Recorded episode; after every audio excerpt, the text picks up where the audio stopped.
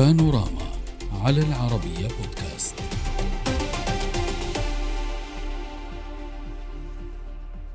وإن كانت أزمة التمرد في روسيا قد انتهت إلا أنها تركت سجالات وتساؤلات حول مصير قائد مجموعة فاغنر يفغيني بريغوجين الذي تمرد على بوتين في سابقة وصفت بأنها صدمة هزت عرش الكرملين.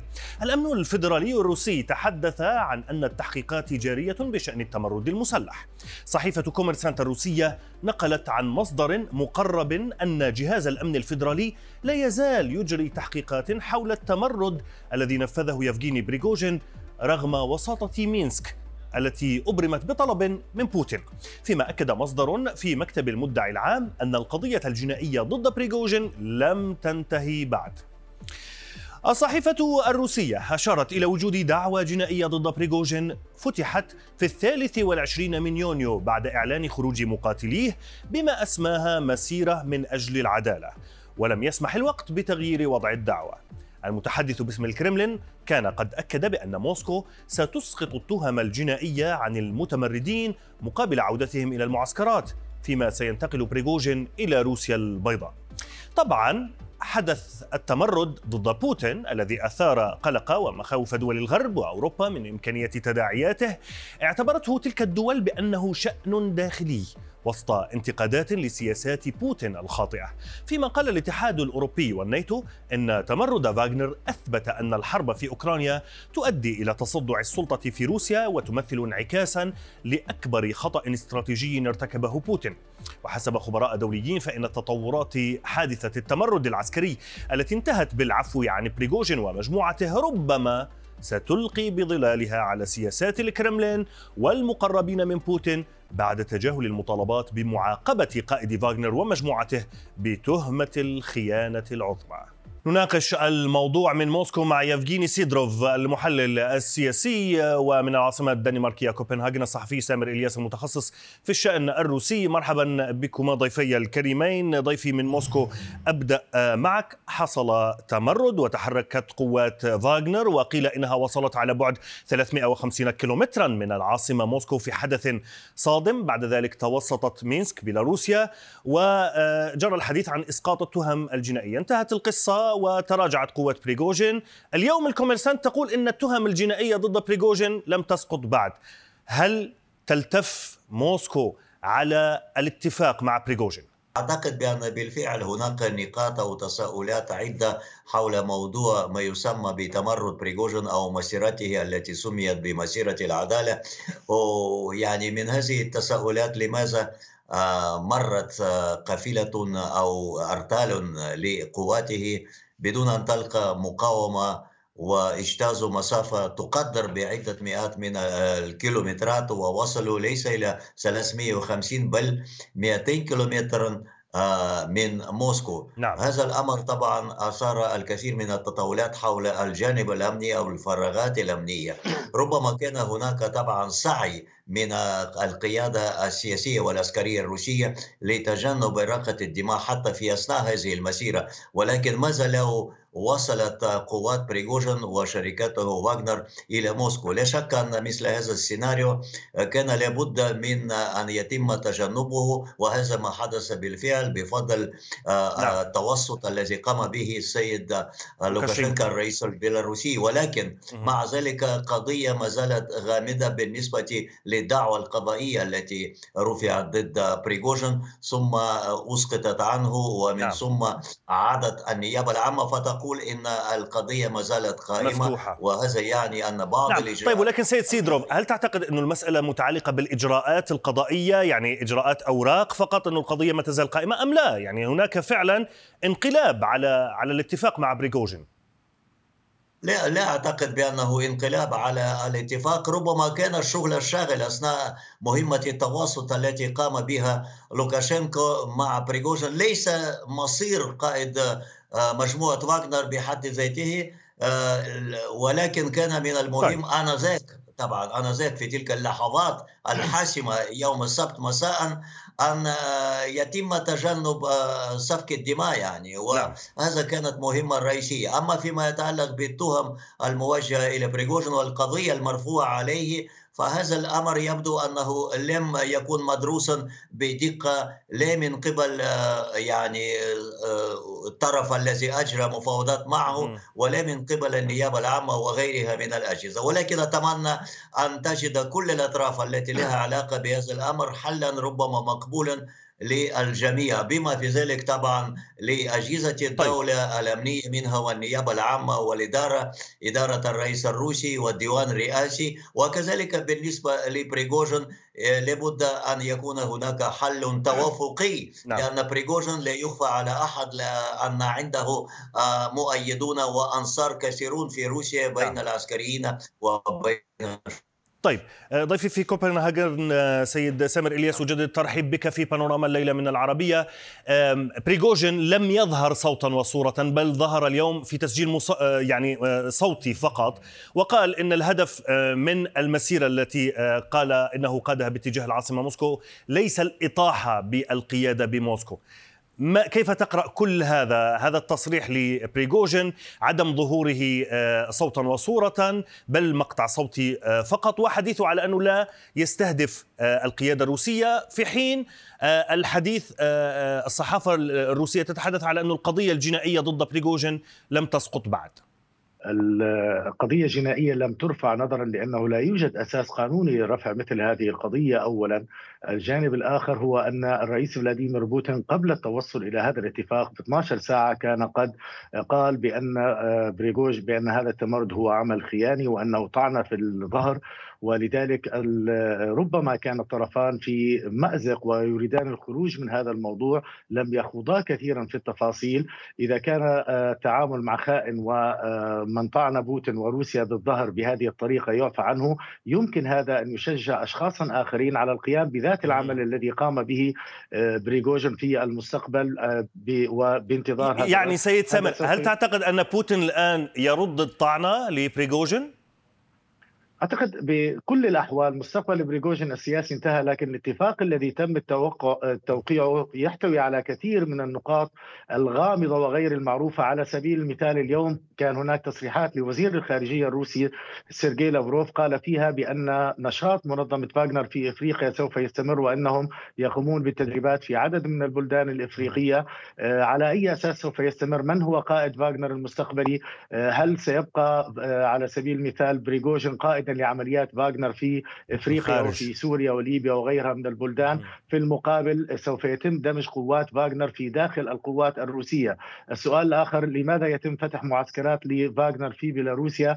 ما دام الحديث في البداية كان عن توجه آه، عناصر فاغنر إلى ثكناتهم آه، في أوكرانيا. بمقابل آه، العفو عن جزء منهم وتوقيع عقود جزء الآخر الذي لم يشارك في التمرد. نعم. عقود مع وزارة الدفاع كما كان مقررا. لكن سيد سامر من نعم. أين هو بريغوجين الآن؟ بريغوجين حسب التصريحات الرسمية هو موجود في بيلاروسيا آه، بمقتضى الصفقة التي تم التوصل لها، اليوم ظهوره آه، بالصورة هو ظهور اعتيادي فقط. بالمناسبة لأنه نعم في الصوت فقط. آه، هو آه، يظهر عادة أحيانا بالفيديو عبر لقاءات محددة قبل آه، التمرد بساعات. كان له ظهور بالفيديو وبالصوت معا ولكن الآن بعدها كان طيب إذا كان موجودا في مينسك حقيقة في روسيا البيضاء لماذا لم يظهر ليؤكد يعني صوتا وصورة ليؤكد على أنه بالفعل موجود في روسيا البيضاء وبأن الاتفاق قائم؟ حتى الآن حتى الآن هذا الاتفاق غير معروف كيف سينفذ كيف سيتم هذا من جانب. من جانب آخر أعتقد بأن موضوع ظهوره من عدمه ربما ليس ذا أهمية بالنسبة لبريغوجين نظرا لأنه اليوم بريغوجين أعلن بأنه شكل آه، خدمة صحفية إضافية وأعلن عن ذلك بأنه سوف يكون هناك تغطية متواصلة. هناك آه، طيب. آلة إعلامية ضخمة تغطي نشاطات بريغوجين. أكثر من 400 شخص آه، تم توظيفهم في لينينغراد أو سانت بطرسبورغ يعملون لصالح لصالح بريغوجين في آلته الإعلامية لديه مواقع إعلامية لديه العشرات من مواقع تليجرام. نعم. يوصل رسالته الإعلامية بشكل أساسي يواصل نشاطاته. طبعا هناك خوف لدى بريغوجين من أن بوتين لن طبعا هناك خوف من بريغوجين بأن بوتين لن يعفو عنه وأنه ربما واجه مصيرا صعبا صحيح. وهذا السيناريو نظرا يعني لأن بوتين صحيح. نعم نظرا لأن بوتين لا يتهاون مع عملائه أكيد. وهذا ما بدأ يتجسد اليوم بالحديث على انه التهمة الجنائية لم تسقط حسب الكوميرسانت. سأعود إليك أستاذ سامر. سيد يفجيني سيدروف بيلاروس حليف مهم جدا لروسيا. هل ستسلم مينسك أو الرئيس لوكاشينكا هل سيسلم بريغوجين يا ترى إلى بوتين في حال ما طالب به؟ آه هذا الموضوع أيضا يكتنفه غموض برأيي أنا ولكن من آه من الطبيعي أن هذا الموضوع لن يحل إلا بتدخل آه رئيسي البلدين أي فلاديمير بوتين وألكسندر لوكاشينكا ولكن إذا يعني كانت هناك أنباء بأن مصيره كان قد حل في أثناء التوسط الذي قام بها لوكاشينكا فإن الاتفاق الاولي على الأقل يدل على رفع التهمة الجنائية وإلغاء القضية الجنائية. وهذا يعني أن ملف ملاحقاته يبدو أنه طوي. ولكن مع ذلك لا يمكن أن نتنبأ بما كيف سوف تتطور الأحداث مستقبلا. وهذا الأمر أعتقد مرهون ب مصير شركة فاغنر ككل. يعني مصيره ربما كان محسوما وهذا ما دفع بريغوجين كما اعترف هو اليوم. إلى القيام بهذا التمرد. بعض القانونيين بالمناسبة يقولون أن الحديث لا يدور عن محاولة انقلاب أو التمرد العسكري لأن تمرد عسكري أو انقلاب قانونيا معناه أنه ربما يريد تغيير النظام. هذا لم يدخل في خطة طيب بريغوجين. اذا لم يكن زحف بريغوجين باتجاه موسكو لم يكن الهدف كما قال اليوم تغيير السلطة في موسكو فما كان الهدف منه سيد سيدروف؟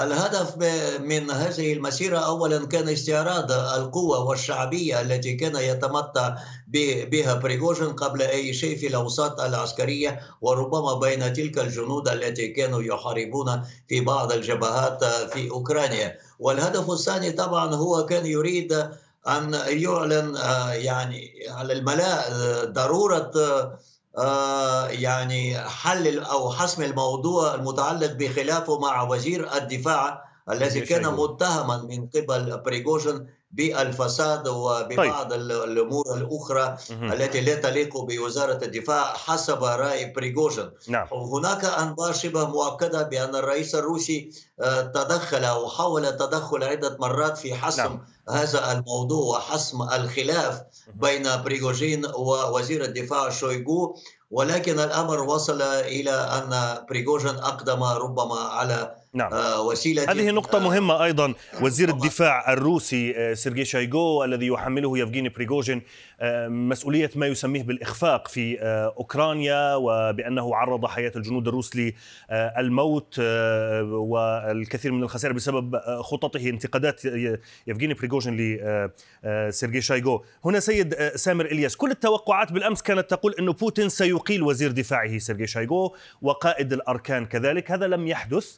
بل على العكس ظهر اليوم وزير الدفاع الروسي سيرجي شايغو. ماذا يعني هذا الظهور؟ هل يعني أنه الرئيس بوتين يعني هو متمسك به وبالعكس لن يتفاوض أو يعني لن يترك بريغوجين ينجو بفعلته؟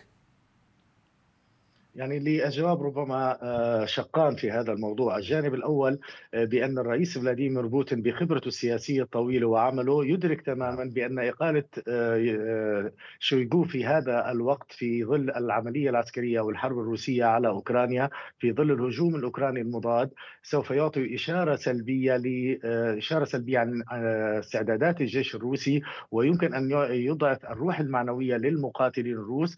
هذا من جانب أساسي على صعيد العملية العمليات ولذلك شهدنا بأنه في بداية التمرد أقرب حلفاء بريغوجين في الجيش الروسي وهو جنرال سيرجي سوروفيكن قال بأنه يجب عدم اتباع عدم اتباع خطوات قائد فاغنر وطالب أعضاء فاغنر بعدم التمرد وعدم اتباع خطواته والذهاب إلى رستوف.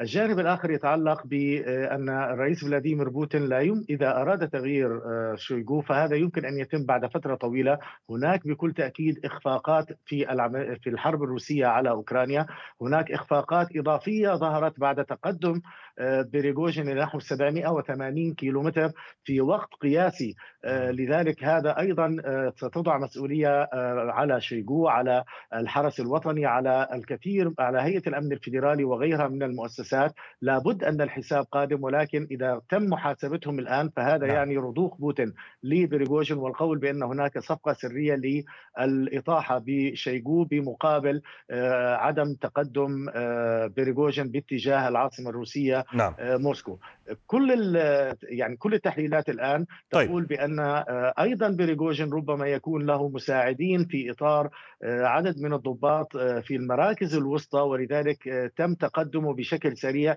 نعم. عداك عن موضوع الارتباك الذي ظهر بشكل واضح أيضا على تصرف القوات الروسية نظرا لظن الجميع بأن هناك خطوطا مباشرة بين بريغوجين والرئيس فلاديمير بوتين نعم. وخوفهم من آه، عقوبات معينة. نعم. طيب آه، سيد آه، سيدروف في موسكو حتى لو يعني صمد هذا الاتفاق الذي رعته روسيا البيضاء بين بوتين وبريغوجين يعني رجل مثل يفغيني بريغوجين هو قائد لمؤسسة آه، أمنية خطيرة وقوية جدا. آه، هو يجند سجناء يجند مجرمين ويدفع بهم إلى ساحات آه، الحروب وأثبت كفاءة في العديد من المعارك خاصة في باخموت أكثر من القوات الروسية النظامية. أمعقول رجل مثل يفغيني بريغوجين سيذهب ويجلس في البيت هكذا في عاصمة روسيا البيضاء في مينسك ويتخلى عن كل هذا علاوة على الإمبراطورية الإعلامية والأموال آه، والأرباح التي كان يجنيها من فاغنر لا بطبيعة الحال لن يجلس بالبيت ولن يكون يجلس مكتوفة اليدين آه، نعم. وإنما سيتحرك ولكن كيفية تحركه لا نعلم يمكننا أن نفترض بأنه سيجد نفسه آجلا أم عاجلا وربما قريبا آه، في إفريقيا حيث كانت لديه خبرة كبيرة أولا في حماية بعض المنشآت الخاصة بالبنية التحتية لعدد من البلدان الإفريقية. ثانيا كان يتولى هو ومؤسساته مؤسسة فاغنر آه، تدريب عناصر الجيوش الإفريقية. وطبعا كان ذلك ربما قد لقي ترحيبا من قبل قيادات تلك الدول الإفريقية التي تريد روسيا الآن تمتين علاقات الصداقة معها لا سيما في ظل العقوبات التي تتعرض لها روسيا من قبل الدول الغربية، هناك قمة روسية إفريقية سوف تعقد بعد الشهر في مدينة سان بطرسبورغ وهي ستكون الثانية بعد القمه الأولى التي عقدت منذ بضع سنوات في مدينة سوتشي على البحر الأسود. وبالتالي يعني ربما آه، خبرة بريغوجين سوف يكون مطلوبة في مثل هذا الملف. لذلك أنا لا أستبعد مثل هذا التطور نعم. ويعني بالاضافه إلى ذلك تواجده سوف يكون مريحا لأنها لن يزعج أو لن يحرج القيادة السياسية في روسيا ولا وزارة الدفاع طبعا. نعم، سيد سامر إلياس هل توافق سيد سيدروف على أن الدور المقبل ربما يكون ليفغيني بريغوجين هو لعناصر فاغنر المنتشرة في العديد من الدول الإفريقية ومنها دول عربية مثل ليبيا ومثل آه، السودان آه، كذلك في سوريا آه، إضافة إلى دول إفريقية منها مالي التي يعني ضايقت الوجود الفرنسي هناك هل تعتقد أنه سيقود في المرحلة المقبلة العمليات الخارجية أم لا؟ يعني هذا افتراض موجود وتحليل موجود آه، لدور لبريغوجين في المستقبل.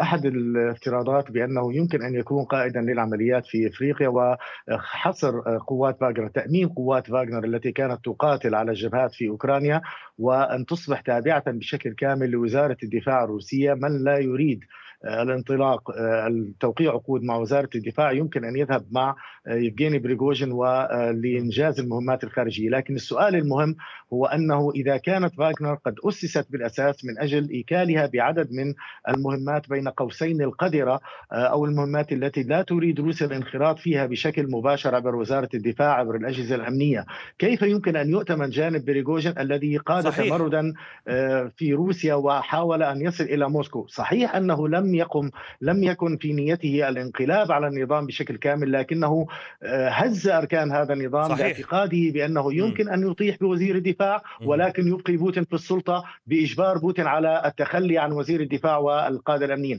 لذلك هذه معضلة أساسية أعتقد بأنه لن يستطيع القيام بذلك، اليوم المخاوف الغربية تتركز حول أن فاغنر يمكن أن تقوم بأعمال تخريبية ربما في عدد من البلدان الأوروبية، ربما بناء معسكرات في آه، أوكرانيا على بعد آه، مسافة من في بيلاروسيا عفوا على بعد مسافة من الحدود الأوكرانية ربما يناط بها مهمات ثانية، هل يريد لوكاشينكا استغلال آه، وجود خبرة خبرة فاغنر وخبرة بريغوجين في ترميم علاقاته الإفريقية؟ معروف بانه بيلاروسيا أيضا تخضع لعقوبات تسعى كان هناك جولة لرئيس لوكاشينكا إلى البلدان الإفريقية. هي كما روسيا كما أوكرانيا تسعى إلى بناء علاقات مع إفريقيا والاستفادة من تراجع النفوذ الفرنسي والأوروبي في إفريقيا من أجل توطيد علاقاتها لتجاوز آثار العقوبات الغربية التي فرضت على بيلاروسيا منذ عام 2020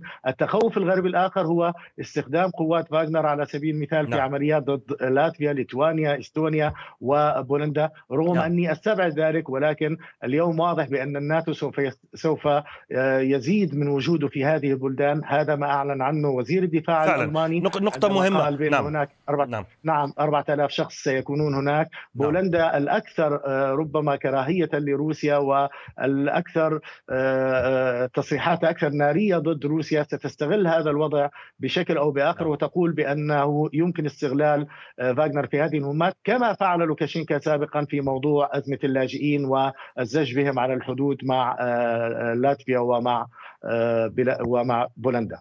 شكرا جزيلا آه، لك ضيفي من كوبنهاجن آه، الصحفي سامر إلياس المختص في الشأن الروسي. والشكر موصول لك أيضا أستاذ يفغيني سيدروف المحلل السياسي. كنت معنا من العاصمة الروسية موسكو. شكرا لك على المشاركة معنا. شكرا لكم على كرم المتابعة. إلى اللقاء.